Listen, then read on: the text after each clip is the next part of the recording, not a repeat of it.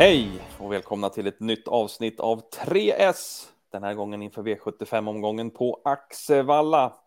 Med mig har jag Linus som ska hjälpa oss att gå igenom de här loppen. Tjenare Linus, hur är läget? Tjena Rickard! Jo, det är bara bra. Taggad som attan här inför eh, vad som komma skall imorgon. Jaha, hur kommer det sig då? Att du är så taggad? Vi har ju en Ja, men vi har ju jackpot som väntar eh, efter favoritparaden eller vad man säger förra lördagen och eh, ja, då taggar man alltid till lite extra. Plus att det känns som en rätt rolig omgång tycker jag. Mm, ja, men det, det är härligt och eh, vi hade ju även i 3S i onsdags på V86 då så satt ju spiken för fjärde gången i rad. Det var ju Digital Indy som infriade det förtroendet. Ja, det var kul. Det var ju faktiskt en häst som trendade neråt också. Vi hade ju satt vinstchansen i eh, 44 procent och eh, jag tror den stod närmare 30 när loppet väl gick. Eh. Så att ja, det var kul att kunna bjuda på en så bra vinnare. Hoppas att någon tog betalt. Mm, alltså nu har vi fyra raka spikar där på i de här tre S-programmen då, vad gäller V86 och V75 och se om vi kan få in en femte raka spik då och ja, vi ska väl börja med den helt enkelt rubriken Spiken.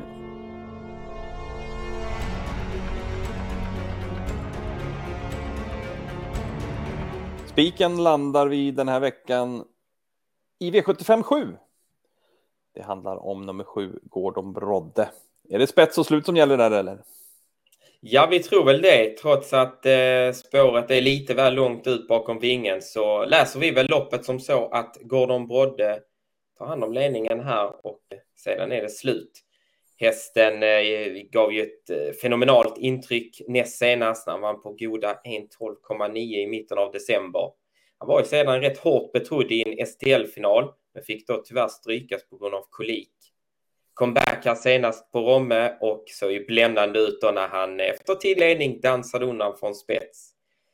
Med loppet i kroppen, Svante Erikssons, ja, vad ska vi säga om den där formen? Det är helt otroligt. Hans hästar vinner varje gång de startar känns det som. Ja, det är bara eh, dra ett streck för hästarna direkt va, på, på kupongen.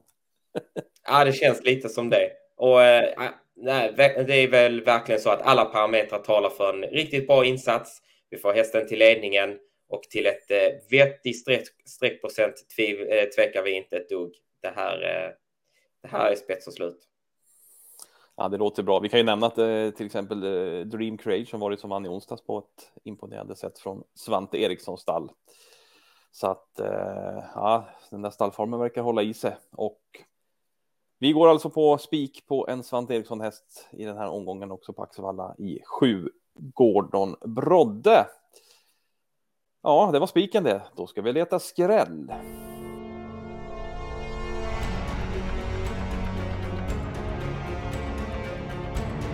Ska vi leta skräll alltså och det gör vi i V75 6 och ja, det är ofta man landar i skrällopp när det handlar om diamantstorlopp och så även den här veckan. Eh, berätta lite om hur tankegångarna går i det här loppet. Ja, vi har en ganska klar favorit i det här loppet i 8 Cash and Carry som eh, stod för en fin insats senast i V75 Champions. Var ju nära där att sätta nosen först men fick sig slag av Flemming Jensens Karna Sensei. Eh, hade varit ifrån lite inför det. Eh, Anders Svanstedt då som tränar hästen trodde på en bättre insats nu och eh, jag tror väl, eller vi tror väl att det är det många eh, spelare går på här men för oss har hästen blivit lite väl hårt betrodd och ändå trots allt ett knepigt utgångsläge med spår 8, kan strula från start. Det är väl inte den mest lättkörda hästen och eh, Jorma Kontio har inte kört hästen förut heller så att eh, ja, det, det, krävs inte mycket strul här för att Cash and Carry ska vara en favorit i fara och bakom den känns det ju faktiskt vidöppet. Mm, ja, spännande. Då vill vi höra vilken skräll vi ska lyfta fram i första hand? Då? Vi vill i första hand lyfta fram eh, häst nummer ett, Isan, som har fått en, eh, ja men tänt till lite här sedan de började köra med norskt huvudlag på henne. Senast eh, blev hon visserligen, eh, galopperade hon visserligen till slut, men blev generad då. Eh, vi tar dock med oss intrycket näst senast när hon var ute på V75. Kort distans då, bakspår, kom aldrig riktigt till, men avslutningen i skymundan som sexa var faktiskt riktigt bra. Ehm, är ganska snabb ut i valstart, men det är lite lurig spetsstrid. Vi vill gärna ha henne till ledningen eller ryggledare. Någon av de positionerna hade varit mycket intressant. Och eh, ja, behåller hon, eh, får hon den här goda effekten fortsatt på det norska huvudlaget då, eh, och hon får rätt lopp, då, eh, ja, då känns hon väldigt underspelad till eh, endast 3 procent i nuläget. Härligt. En 3-procentare i ett isan alltså. Hon har sett hon står stått i 50 gånger pengarna två lopp i rad här så att eh, och ändå varit med där och huggit och sett bra ut i V75 lopp och 3 procent nu så. Ett isan vill man ju ha in i det här loppet. Jaha, är det något mer vi ska nämna här eller är det främst Isan som är den skrällen? Ja, vi har väl ett par till bakom som känns eh, ganska intressanta. Som sagt ett väldigt öppet lopp bakom. Eh, om man skulle vilja ha någon mer så 14 Sante Griff vet vi är väldigt grundkapabel. Det är lite svårt att se om dagsstatusen där, men 4% på den.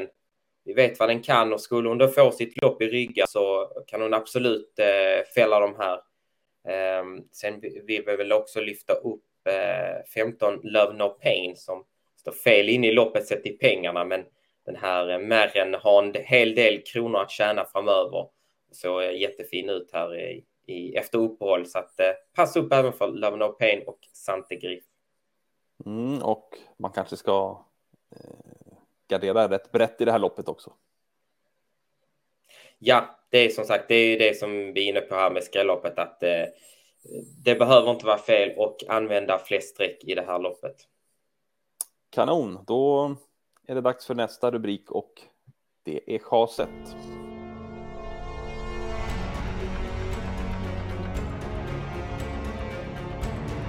Då ska vi chasa och en hårt betrodd häst i omgången som Eh, vi tycker har blivit alldeles för hårt spelad då alltså som ska tas bort. Och vad landar vi i för avdelning då?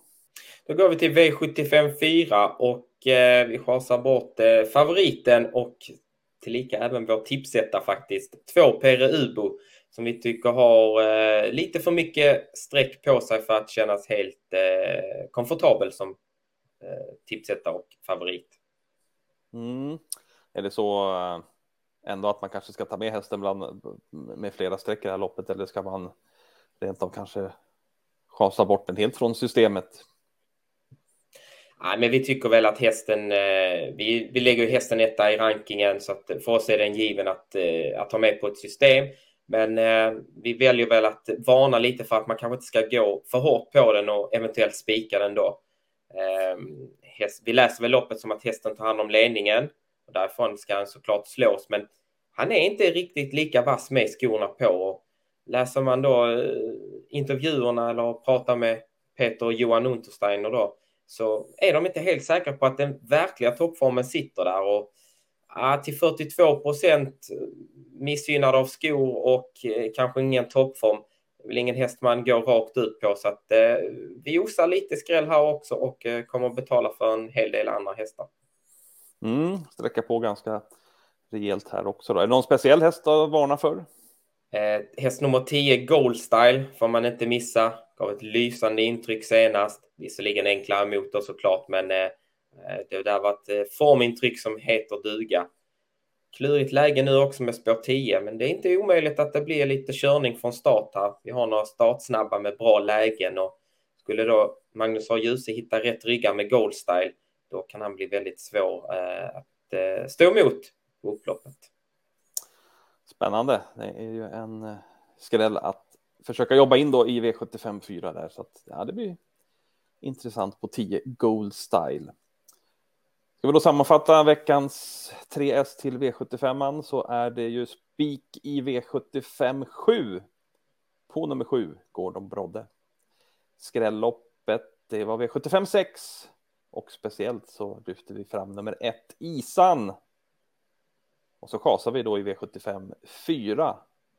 Nummer två, Perre Ubo, Ubu, som ändå ska med på kupongen bland flera streck antagligen. Och eh, glöm inte då heller nummer 10 Goldstyle, i det loppet.